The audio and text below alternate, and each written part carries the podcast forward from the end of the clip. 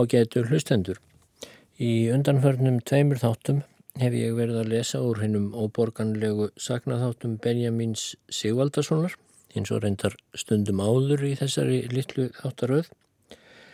En í þáttunum tveimur að undanförnu hefur aðtiklinn beinst að alþýðu fólki ekki síst konum í norður Þingejarsíslu sem þar byggu í fátækt stundum eimt á ofanverðri 19. öld. Í þættinum fyrir viku síðan var ég svo byrjaður á nýjum þætti sem fjallaðum Guðunan okkur Sigurðsson. Guðni var maður af því tægi sem nú á dögum hefði skilirðis löst orðið listamaður og hver veit nema Guðni Sigurðsson hefði við ágætt skilirði orðið alveg framúrskarandi listamaður en þau skilirði voru ekki fyrir hendi í norður Þingiðarsíslu um miðja 19. öld þegar Guðni var á dögum og því var það að hann fekk litla útrás fyrir listneið sína en var í staðin eiginlega útrópaður fyrir að hafa allt og mikið hugmyndaflug. Það var ekki talið jákvægt í íslensku samfélagi á 19. öld að reyða hugmyndaflug í þverrpókum. En uh, Guðni Sigursson, hann reyndi að fá útrás fyrir listnegðina eins og hann gatt, en hún blómstræði síðan í badnavatni hans, fyrir Guðni Sigursson varð Afi Áskrims Jónssonar listmálara, eins þeirra sem hófu íslenska myndlist til vex og virðingar í upphafi 20. aldar. En ég var sem sagt byrjaður að lesa úr sagnaþætti Benjamin Sigvaldasonar um Guðuna í þættinum fyrir viku síðan. Það best ég endurtæki bara það sem ég sagði þá um hann. En það voruð ekki margar mínútur sem komnar voru. En svona byrjaði Benjamin Sigvaldason þátt sinn um afa listamannsins en svo heitir sagnaþátturinn um Guðuna. Það hefur vakið aðtegli margara glöggskíknara manna og þótt næstum óskiljanlegt hver margir af okkar afburðamönnum, engum skáld og listamenn, eru og hafa verið ætt smáir sem kallaðir. Og hér lít ég að skýta, skjóta því inn í að Benjamin Sigvaldarsson hefur orðið ætt smáir að sjálfsögðu innan gæsalappa. En það er samt ekki vist að allir hefðu gert það. En Benjamin heldur svo áfram. Þessir afburðamenn eru komnir af alþýðu fólki sem búið hefur í hinnum strjálbegðu sveitum landsvors við ömurlega fátækt og harða lífsbaráttu í aldaraðir og almennt hefur ekki verið komið auga á það í fljótu bræði að í þeim jærðvegi hafi getað falist svo góðkynjuð fræ að upp af þeim mættu vaksa slíkir kjörviðir sem raun ber nú vittni um. En þetta er staðrind sem ekki verður á móti mælt og ber vittni hinn um trösta kjarna sem þarna hefur verið falin. Ímsir segjað vísu að þetta sé ekki fullnægjandi skýring og benda á það máli sínu til sönnunnar að þeirra hæfileika sem framkoma hjá afburðamanninum hafi hverki orðið vart í ætt hans svo langt sem rakið verður. Í fljótu bræði verðist þetta stundum rétt. En ef betur er aðgáð er oftast hægt að finna í ætt afburðamannsins að minnstakosti einn eða fleiri einstaklinga sem getur hafa verið svipuðum hæfileikum þótt þeir menn hafi ekki getað notið þess sem í þeim bjó. Þeim var þraungur stakkur skorinn allt frá barnæsku. Hinn harða lífsbaráta tekur mannin á vald sitt og hann verður að afneita sínum meðfættu hæfileikum og berjast upp á líf og dauða fyrir tilveru sinni einni. Það eru til margar sögur hér á landi af mönnum sem voru getur frábærum hæfileikum í æsku efni í listamenn og skáld en gátt ekki notið þeirra. Það sem allir þeim örlögum var tvent, ílt uppeldi í esku og engin tilsögn í þeim greinum sem hugurinn þráði að fást við, svo og einn erfiða lífsbarátt og sára fátækt sem allur almenningur varð að búa við til skamstíma.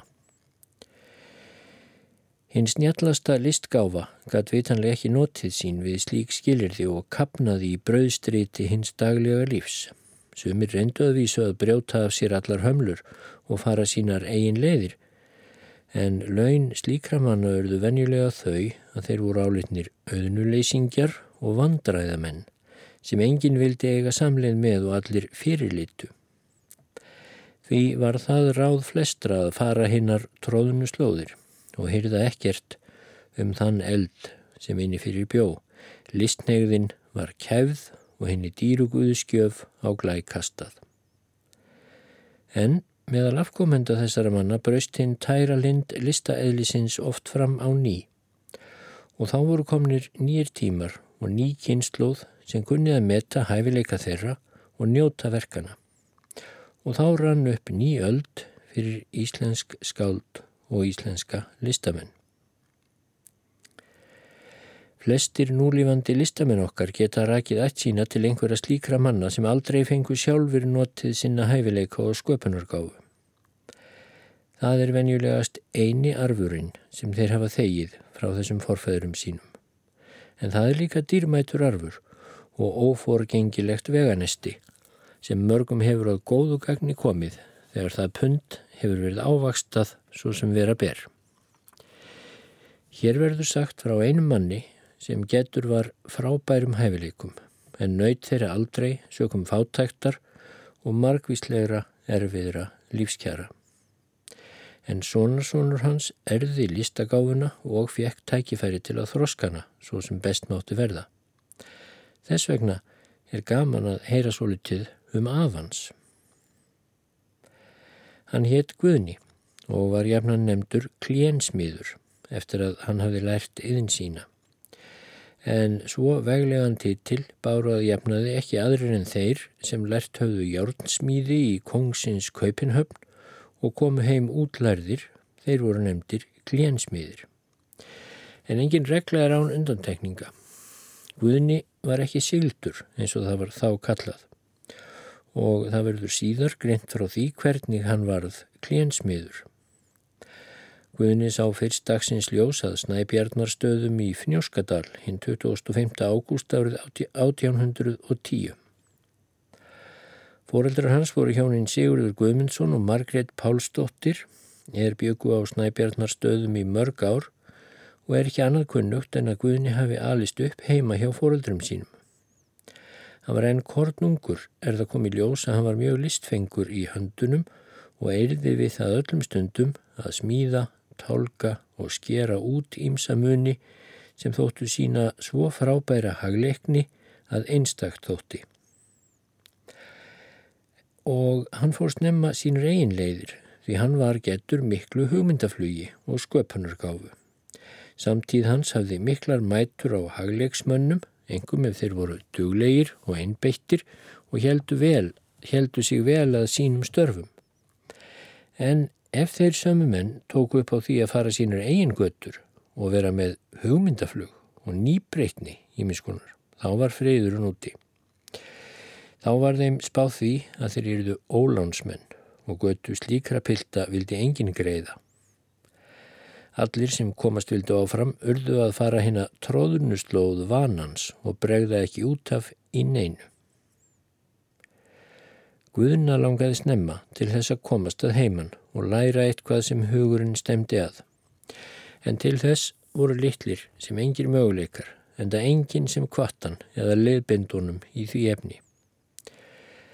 Ef til vill hefur Guðni verið dáltið laus í rásinni eins og oft gerist með ung listamannsefni og að vera með hugmyndaflug það var svo dauða syndin sem skildi millir feiks og ófeiks.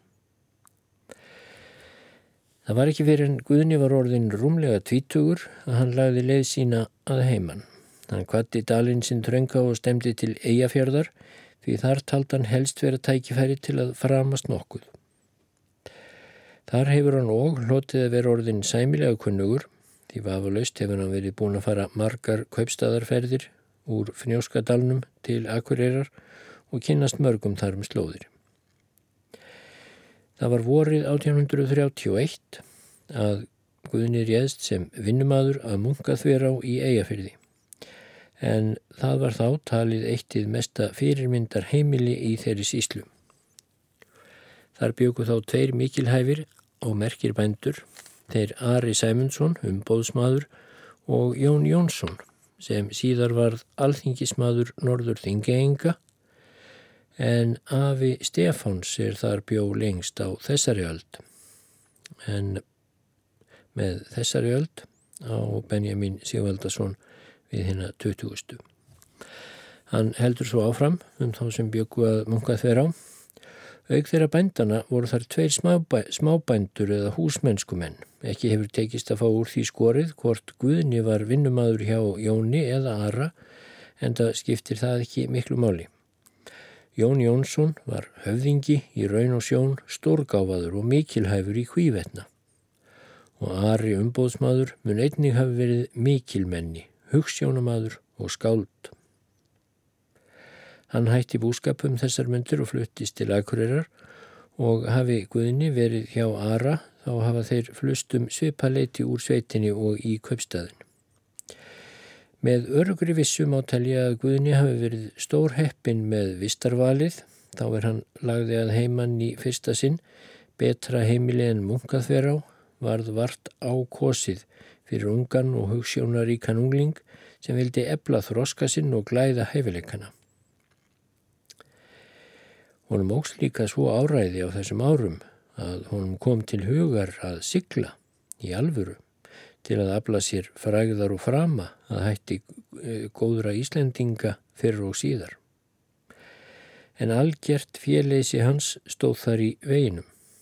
Hann gætt með engum óti séð fram á að geta séð sér farborða í útlöndum, hvað þá heldur uh, numið það sem hann langaði til að læra, svo ekkert gata því orðið.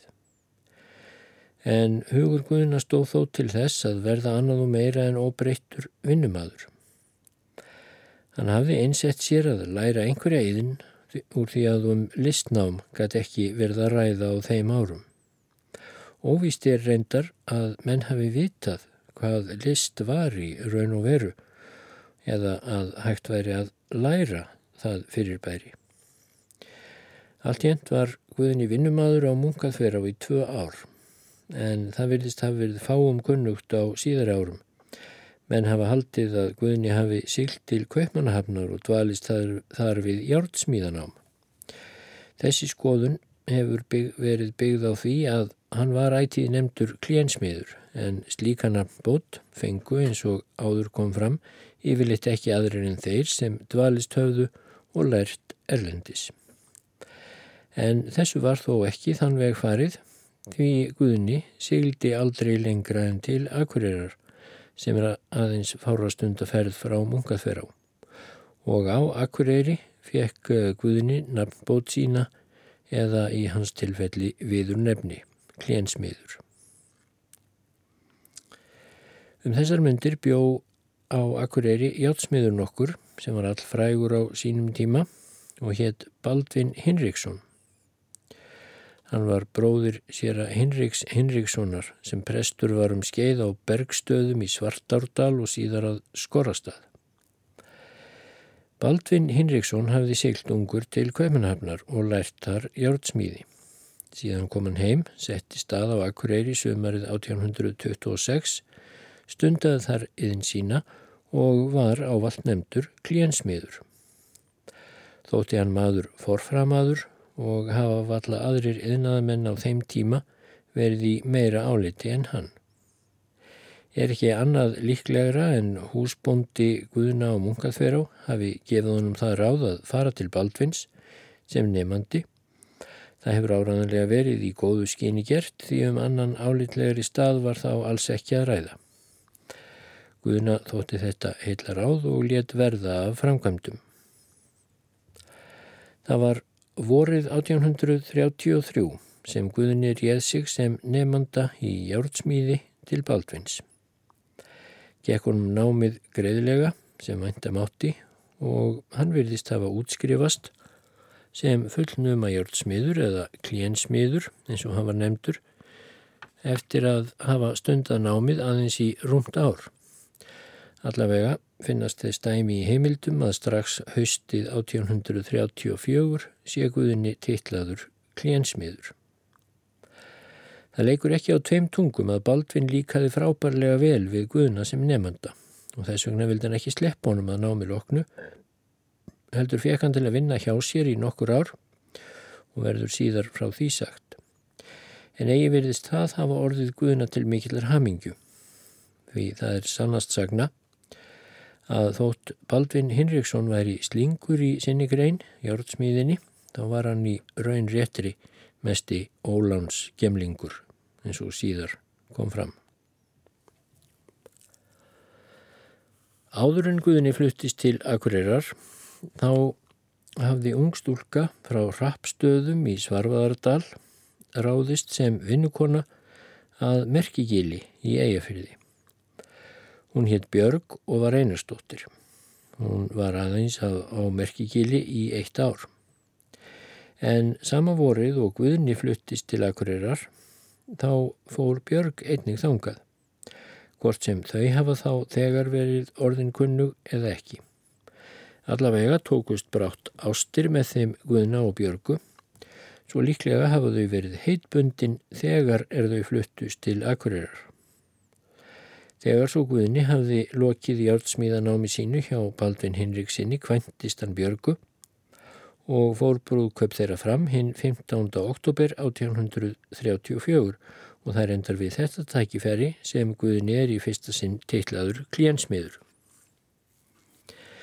Verður að líta svo á að það hafi verið Baldvin, meistara hans, að þakka að Guðinni hlaut svo veglegan títil án þess að hafa sjálfur farið út fyrir landsteinana eða lært jórnsmíði í Danmörku. Allt bendir til þess að Guðni hafi hugsað sér að setja stað á Akureyri að námi loknu og ílendast þar. Þar var helst eitthvað að starfa fyrir handiðnaðar menn. Á þessu hefði geta farið vel en það hefði þá æfi Guðna orðið önnur og áraðanlega betri en raun varð á. En það er því líkast sem ólánið og óhamingjan tækir nú að eldan á röndum og hann hafi ekki haft við að flýja undan þeim óheilla nornum sem nú tók að sækja aðunum. En mesta ólán Guðna hefur þó vafalust verið það að hann komst í kynni við hann dæmalösa óhappa mann sem Baldvin Hinriksson reyndist vera. Baldvin var ókvæntur en hann mun hafa átt húsið sem hann bjói og svo verkstæðið Því var það að hann reið til sín þau Guðna og Björgu, vorið áður en þau giftust og skildi Guðni vinna á verkstæðinu en Björg átti að sjá um heimilið fyrir þá báða. Þetta gekk vel í fyrstu. En brátt tók að bera á því að Baldvin öfundaði Guðna af konunni og sóttist ákaft eftir ástum Bjarkar því hann kunni ítla einlífinu. Á þessu baravísu ekki mikið í fyrstu en ágerðist með ári hverju. Þar til Guðni sá að lokum að við svo búið mátti ekki standa. Það fór því svo að lokum að hann varð að flýja og brott með konu sína vorið 1838 eftir að hann hafði verið fimm ár hjá Baldvin. Svo mikil var ásókn Baldvins í Björgu. En nú satt Baldvin eftir með sárt ennið, aðleitt og hugssjúkur mjög. Eftir þetta fór Baldvin Vestnandi með ári hverju. Lóks lendan vestur í Húnavasíslu og þá eldist þar á ýmsum stöðum. Síðast var hann á Þverá í Hallárdal og þar skar hann sér á háls á jóladaginn 1853 15 árum eftir að þau Guðni og Björg flúðu undan honum og þar með er Baldvin úr sögunni. En það er af Guðna og Björgu að segja að þau fluttust austur í Fnjóskadal um rætt vor 1838 þegar þau flúðu frá Baldvin, voru í húsmennsku í fjósatungu í eitt ár. Eftir það tókuðu þau til ábúðar Koteitt framundir Dalbotni er bakki nefndist. Ekki verður talið að þetta hafi verið hentugur staður fyrir mann sem stundaði eðin. En á handverki sínu hefur Guðni þurft að lifa þar sem þau hjón voru blásnöð og börnin voru á skamum tíma orðin þrjú eða jafnvel fjögur. Búið þeirra, ef búskildi kalla, var aðeins örfháar kindur, svo og kýr og hestur, en á svo litlu búi gæti ekki stór fjölskylda framfleitt sér. Það kom líka síðar í ljós að þau byggu þarna við hinna allra sárastu örbyrð. Þessi þröngu kjör þóldi Björg ekki svo hún misti brátt hilsuna. Er ekki annað líklegra en það hafi stafað af skorti, hungri og næringarskorti. Hún andaðist svo sent um sömarið 1843 eftir nýju ára hjúskap. Þar með var lokið fyrsta og sennilega ömurlegasta þættinum í búskap Guðuna Kliensmiðs. Börnunum var komið fyrir hjá vandalöysum þar sem þau ólust síðan upp. Ekki kom til mála að fadur þeirra sæði um uppeldi þeirra á nokkur nátt. Sum þeirra voru að vísu um stuttantíma hjá föður sínum síðar en þau komu þó líkt við sögu hans upp frá þessu og þess vegna verður þeirra ekki getið frekkar. Þrátt fyrir allt það mótlætti sem Guðni hafði átt við að stríða í búskapnum fram að þessu, þá verðist honum ekki hafa fallið allur ketill í eld eða baráttu þróttur hans beðið verulegan nekki við áfallið. Hann held að minnstu kosti áfram búskapnum eins og ekkert hefði í skorist og fekk sér unga og myndarlega ráðskonu af mjög góðum ættum sem kallað var. Hún hétt Marja Þorgrímsdóttir, dóttir Jónanna Þorgríms Þorgrímssonar og Sigriðar Sigmundardóttur sem lengi bjöku á Íshóli í Bárðardal sem er fremst í bær þar í dalnum og stóðu nánast í norður í aðri Sprengisands en er núna komin í eyði fyrir löngum. Ekki hafði Marja verið lengi hjá honum þegar saman dró með þeim og gengur þau í hjónaband hinn 11. júli voruð eftir 1844. Áður en Marja fór til Guðina hafði hún verið vinnukona á stórbílunum Mýri og Stóruvöllum í Bárðardal. Ekki mun skildmennum hennar hafa þótt að álitlegt hlutskipti að fara til Guðina Það var líka óneitanlega ekki mjög góður kostur. Í Bárðardal var þá yfirleitt betri efnahagur en víðast annar staðar. En þetta gerðum og það þótti að lokum ráðulegra að þau Guðni og Marja flyttust hangað austur í Bárðardal um vonum betri lífsafkomu. Það mun hafa verið bræður Marju sem beittu sér fyrir því að þau fengu til ábúðar halva jörðina Jarlstaði í Bárðardal og þangað fluttist þau svo vorið 1845. Þessi bústaðaskipti hafa vafalust verið marju að skapi því hún hefur að sjálfsögðu þráð að komast sem næst æskustöðum sínum. Af búskap þeirra á jarlstöðum er ekki annað kunnugt en þeim leið þar mun betur en á bakka allavega. Þau eignuðist tvei börn, Kristínu og Jón. Kristín fættist á bakka 28. mars áður en þau fluttu staðan 1845 en Jón fættist að Jarlstöðum 12. júli 1847. En ekki var lífshamingen Guðuna fylgisbögg hér fyrir ekkar náður. Konan hans vektist alvarlega, veturinn eftir að hún egnaðist Jón og rétti ekki við. Hún andaðist 31. mars 1845 48 og var þá Guðni orðin ekki maður í annað sinn. Aftur var bú hans leist upp og börnin flutt burt. Jón Littli sem var aðeins á fyrsta árinu var settur í boka og fluttur að Íshóli til afasins og ömmu og þar ólst hann upp. Verður hans getið nokkru gjör í þessum þætti áðurinn líkur.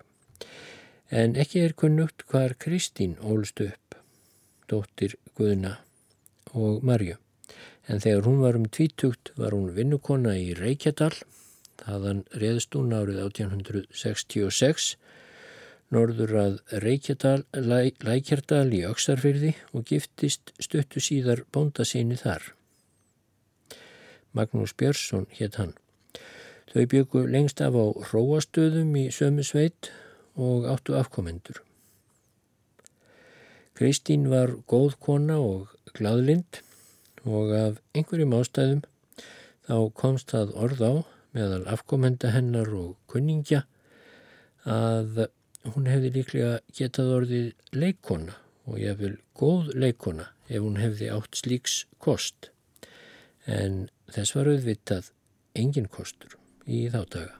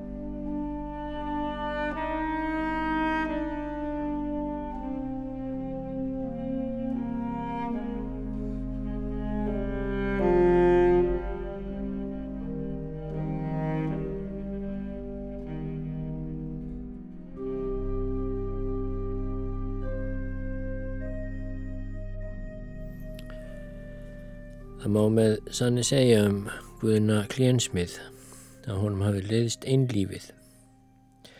Hann hætti öllum búskap, voruð eftir að hann misti Marju konu sína á 1848 og fluttist til Húsavíkur og hugðist nú kefa sig alveg að innsinni. En ekki var hann fyrr komin til Húsavíkur en hann kvæntist í þriðja sinn. Þessi þriðja kona hans hétt Björg eins og svo fyrsta nema þessi var Grímsdóttir og þau gengu í hjónaband strax um haustið 31. oktober 1848. Björg þessi var talin ekja, tveimur árum eldri en Guðni, hún var fættað Svínadal í Kjeldukverfi, dóttir Gríms Jóakimssonar og Ragnhildar konu hans. Þegar hún var 14 ára fluttust foreldra hennar upp á Hólsfjöll og nokkru síðaristur að Gunnarstöðum í Þistilfyrði. Verðast þau hjón hafa verið í góðum efnum þegar Björg var rúmlega tvítug, giftist hún, Jónasinn okkur um Pétur sinni snikkara og eignuðist þau þrjú börn. Um Jónas þennan er allt ókunnugt en svo verðist sem þau hafa verið til heimilis að gunnarstöðum og hann að sjálfsögðu stundað meira eðin sína en búskap. Þegar hér er, var komið sögu þá ber heimildum ekki saman. Önnur heimildin telur að Björg hafi verið ekki að í mörg ár og samkvæmt því eftir Jónas að hafa andast þótt þess finnist hverki getið. En þá er Björg giftist Guðuna var það tekið skýrt fram að hún hafi skýlið að lögum við fyrirmann sinn. Það er sjálfsagt rétt. Jón hefur þá líklega flust á annað landshorn eftir skilnaðin því að hans finnst hverki getið á fyrir stöðum eftir það.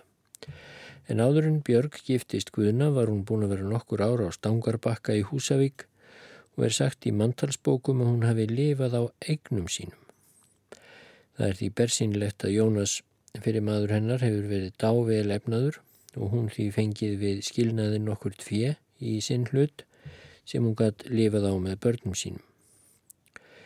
Því verður ekki neitað að það hefur verið mjög hyggilegt af Guðina að kvænast Björgu hvað sem öðru líður. Hún stóð rétt á færtugu, var af góðu fólki komin og í góðum efnum. Börn hennar voru brátt komin upp og gáttu senn farið að vinna fyrir sér, svo af þeim höfðu þau hjón engin þingsli til lengdar. Ef Guðni hefði aðeins unað á Húsavík og stundað þar í ordsmíði, má líklegt þykja að þeim hefði geta liðið þarna bærilega, að minnstakosti úr því að Björg gatt lifa þar góðu lífi meðan hún var ein með börn sín þrjú í ómegð. En þetta fór nokkuð á annan veg. Hvernig sem því hefur vikið við þá er það staðrind að Guð, Guðinni undi ekki á Húsavík. Það er því líkast sem hann hafi verið haldin óstöðvandi óróanhegð eða hefur verið sveimhugi sem við berum listnegða menn en hann var listamæður af lífi og sál þótt hann geti aldrei notið þessara hæfileika sinna. Þetta rakningatímabil hefst með því að þau Guðni og Björg fóru að búa í tungugerði á Tjörnesi löst eftir 1850. Þótt uh, þessi bær sé í þjóðbraut hlítur Guðni að hafa verið þar verðsettur en á Húsavík ef hann hefur ætlað að hafa hjártsmíði sem aðal atvinnu. Búið var mjög lítið svo hann hefur áraðanlega treyst á nokkrar tekjur af smíðum sínum en það var hann listamaður í hjálpsmíðinu og mjög eftirsóttur hvarvetna sem hann dvaldist. En nú er það sannast málað í tungugerði undan sér ekki nema eitt eða tvö ár, vorið 1853 fluttust hjónin búferðlumaustur í Ökstarfjörð og fóru að búa þar á jörð sem nefnist lefstaður og er nú í eiði. Þá áttu þau orðið tvö börn og heið þriði að fættist á lefstöðum. Þetta þótti þá fremur lélegt kott svo ekki hafa þau hjón haft þarna stórt bú frekar en áður. Hefur Guðni vænst tekna af jörgsmíði sem fyrr þótt hann veri mun, mun verri sveitsettur þar en áður. Ekkert er kunnugt um búskap hans þarna, nýja hvort hann hafði einhverjar raunverulegar tekjur af innsinni. En þarna gerist þós á atbyrður sem hefur orðið þessi valdandi að saga hans er skrifuð. Hann tók nefnilega til náms uh, pilt en það var engin annar en Sigvaldi, svonur Eiríks Ríka Sigvaldasonar í Havrafellstungu. Sigvaldi tók við jörðinni af föður sínum og bjá allan sinn búskap þar og stundaði mikið í jártsmíði. Þótti allt sem hann smíðaði bæði vandað og draust. Hann var búmaður góður í fornum stíl og var um skeið hreppstjóri auksarferðarhepps. Gort Guðni tók fleiri nemyndur meðan hann var á leifstöðum er ekki kunnugt því hann var þar aldrei nema aðeins í eitt ár svo ekki er þess að væntaðan okkar sagnir um hann síðu enn til eftir næstum heila öld. Hins vegar er enn til í auksarferði eitt hlutur sem Guðinni smíðaði þar og þykir nú henn mest í kjör gripur. Það er ofurlítið áhald sem nefndist fílkló og var mikið notað fyrrum. Þetta er eins konar dverg skrúfstykki segja fagmenn og hún beri þess ljóst vittni kvílikur snillingur maðurinn hafi, verið. Eftir eins árs búskap fluttist Guðni frá lefstöðum og fór að búa austur á Ökstarfjörðar heiði, nefnist bíli það heiðarmúli og hefur nú lengi verið í eiði. Eru þessir búferðlaflutningar í mestamáta förðulegir þar sem hann flist alltaf af lélegu koti á annað en verra. Þótt heiðarmúli væri í góðu áliti sem bújörði í þá daga þá var þetta þó alltaf heiðarjörð með öllum þeim ókostum sem slíkum jörðum fylgja þar sem gangaverður frá sjö mánuða innstöðu fyrir búfje að vetrinum langvarandi óþurkum að sumrinu og öðru eftir því. Á heiðarmúla bjóð Guðni samt í þrjú ár því það var ekki fyrir en vorið 1857 sem hann fluttist þaðan alfarin með konu sína og börnin þrjú. Þá var það sem hann sestað á Húsavík í annað sinn, munnan þá hafa ætlað að taka upp þráðin þar sem hann skildi við hann þegar hann fór frá Húsavík. Hann var þá orðin gjörsamlega eignalös, svo nú var ekki á annað að treysta en vinnu við hjörtsmíðar. Ekki var þó rakningum Guðnaða fullu lokið, að þessu sinni bjóðan aðeins fá ár á Húsavík. Þá skildan við konu sína og fluttist inn á eskustöðvar sínar í Fnjóskadal. Hvort hann hefur þá verið orðin svo efnalös að hann hefði byllinis ferð á hreppin verður ekki fullýrt. En hitt er víst að þessir stöðuguflutningar hafa bókstaflega reitt af honum efnin og merkilegt er það að svo mikill snillingur sem hann var í einsinni og gætu aukþesslagt gjörfa hönd á næstum hvað sem var, þá verður ekki séð að hann hafi nokkru sinni haft hagnað af því að vinna fyrir aðra, að minnst að kosti ekki að nokkru ráði eftir að hann fluttist frá Akureyri. Með síðustu konu sinni átti Guðni svon þann sem Kristján Vilhjálmur hétt. Hann ólst upp hjá fóröldurum sínum framundir fermingu en var eftir það vinnumadur og ýmsum stöðum og síðast í Ljósavaskarði. Þá fór hann að búa á litlu lögum í Reykjadal vorið 1879. Þá hefur hann líklega verið ókventur. En Guðni fadur hans fór til hans er hann byrjaði búskapin og var þá með konu við hlið sér sem virðist hafa verið einhvers konar fylgikona hans. Hafið hann þá verið skilin að lögum við Björgu sem ekki er vitað, þá hefur þetta verið fjórða kona hans. Hún hétt Steinvör Árnadóttir. Guðni var komin hátt á sjötús aldur þegar hér var komið sögu en hún var tí árum yngri er þau tóku saman og sannast þar sem fyrir dreppið á að hann undi íla einlífinu og var í því efni samur við sig til hinstu stundar.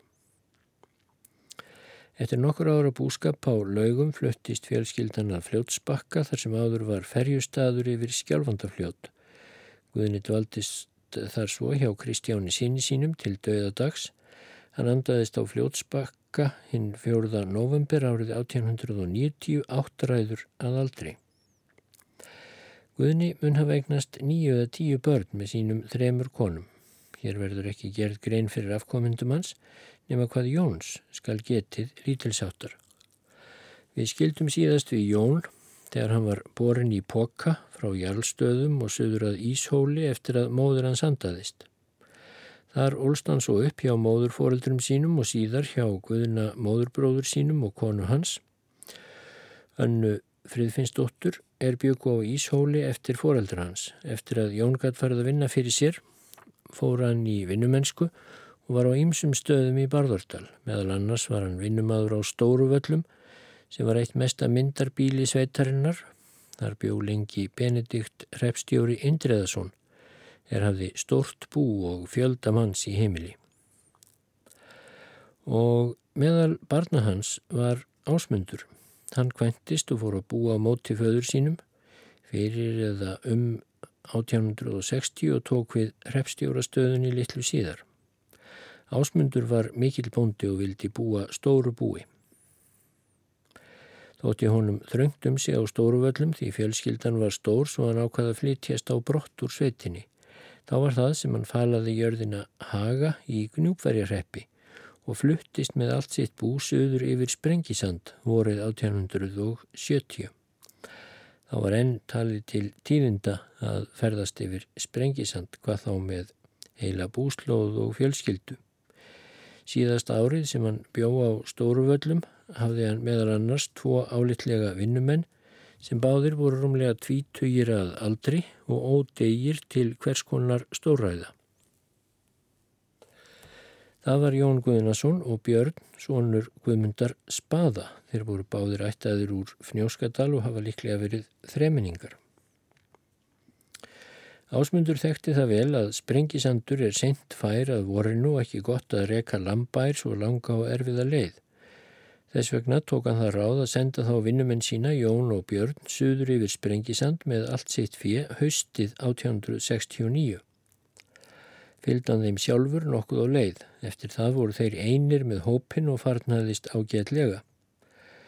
Var þetta landsfrækt og er víða getið um þessa ferði yfir Sprengisand. Hins vegar mun hverki vera greint frá því hvað fjöð var margt sem reykið var söður. Frá þess er þó sagt í einni öruguru heimild sem fáum er kunn var fjártalan sem hér segir 128 ær, eldri og yngri, 6 sögðir fullornir, þar á tveir fórustu sögðir, 46 vetturgamleir sögðir, fjórir hrútar, 14 lampgimrar og 16 lamprútar, alls 214 kindur sem þeir hafa rekið tveir yfir Sprengisand. að sjálfsögðu hefur ásmundur verið búin að tryggja sér einhvern heiforða handa öllu þessu fjefir veturinn því tæplega hefur því verið ætlað að ganga út í vetralangt. Kunnugt er að þeir félagar, Björn og Jón, gættu fjárins yfir veturinn því annars hefðu það strókið upp á öræfi aftur.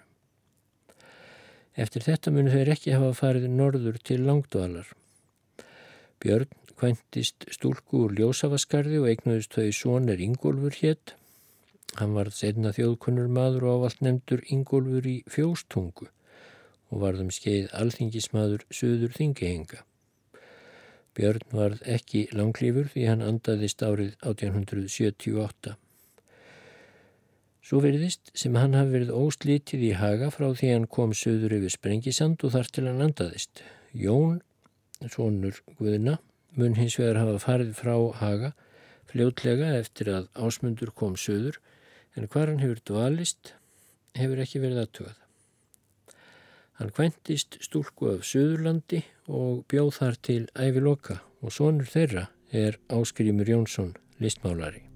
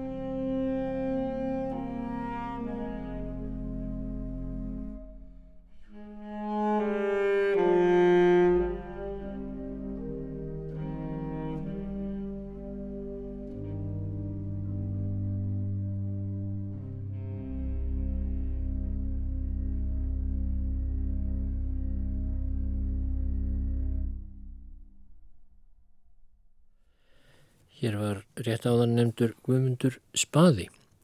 Það vil svo til að Benjamin Sigvaldason segir á þeim manni nokkur deili í öðrum sagnaþætti og fjallar meðal annars um það hvernig hann öðlaðist að sérkynlega viðurnefni, Spaði og ég ætla að ljúka þættinum á að lesa þau orð úr viðkomandi sagnaþætti. Guðmundur hétt maðurinn okkur sem samtíðarmenn hans uppnemdu og kölluðu spaða. Ekki eru menna á eitt sáttir um hvernig spaðanafnið var í fyrstunni tilkomið. Sumir halda að Guðmundur hafi verið svartur sem spaða ás en aðrir higgja að orðið sé tilkomið vegna þess að Guðmundur hafi þótt nokkuð ristur og mikill á lofti. Því öllum ber saman um að sjálfsálit hans hafi verið fram úr hófi. Guðmundur var fættur að Bakkaseli í Fnjóskadal 21. janúar 1815 og þar ólstan upp hjá fóröldurum sínum við mikla fátækt.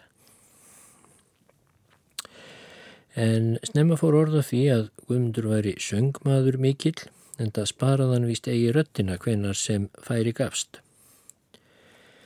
Í þá daga þóttu það bestu söngmenninir sem gáttu rifið sig upp úr öllu valdi og öskrað sem hæst en þeir sem sungu mjúkt og þýtt voru lítil smetnir. Þar sem Guðmundur var alin upp við þennan hugsunarhátt var það harla eðlilegt að hann hlýfiði hverki röddsinni. Guðmundur spaði söng því við öll hugsanleg tækifæri svo sem við húslestra, messugerðir og í brúköpsveislum. Var mikið orð á því gert hvað Guðmundur geti komist hátt eins og það var orðað. Ímislegt bendir til þess að nokkuð hafi verið í Guðmund spaða spunnið en því verður ekki neitað að hann muni hafa verið full stærilátur og mikill á lofti en það þótti ídla sæma snauðum mönnum í þá daga. Búmaður var hann ekki sem fyrir segir en hann varðum tíma ráðsmaður í múla hjá ríku fólki sem þar bjó og munmæli greina frá því að Guðmundur spaði hafi þótt reistur nokkuð og mikil með sig þegar hann talaði við kotungana en svo voru smábændurnir nefndir sem byggu við mikla fátækt á hjáleigunum í námt við höfðbólið.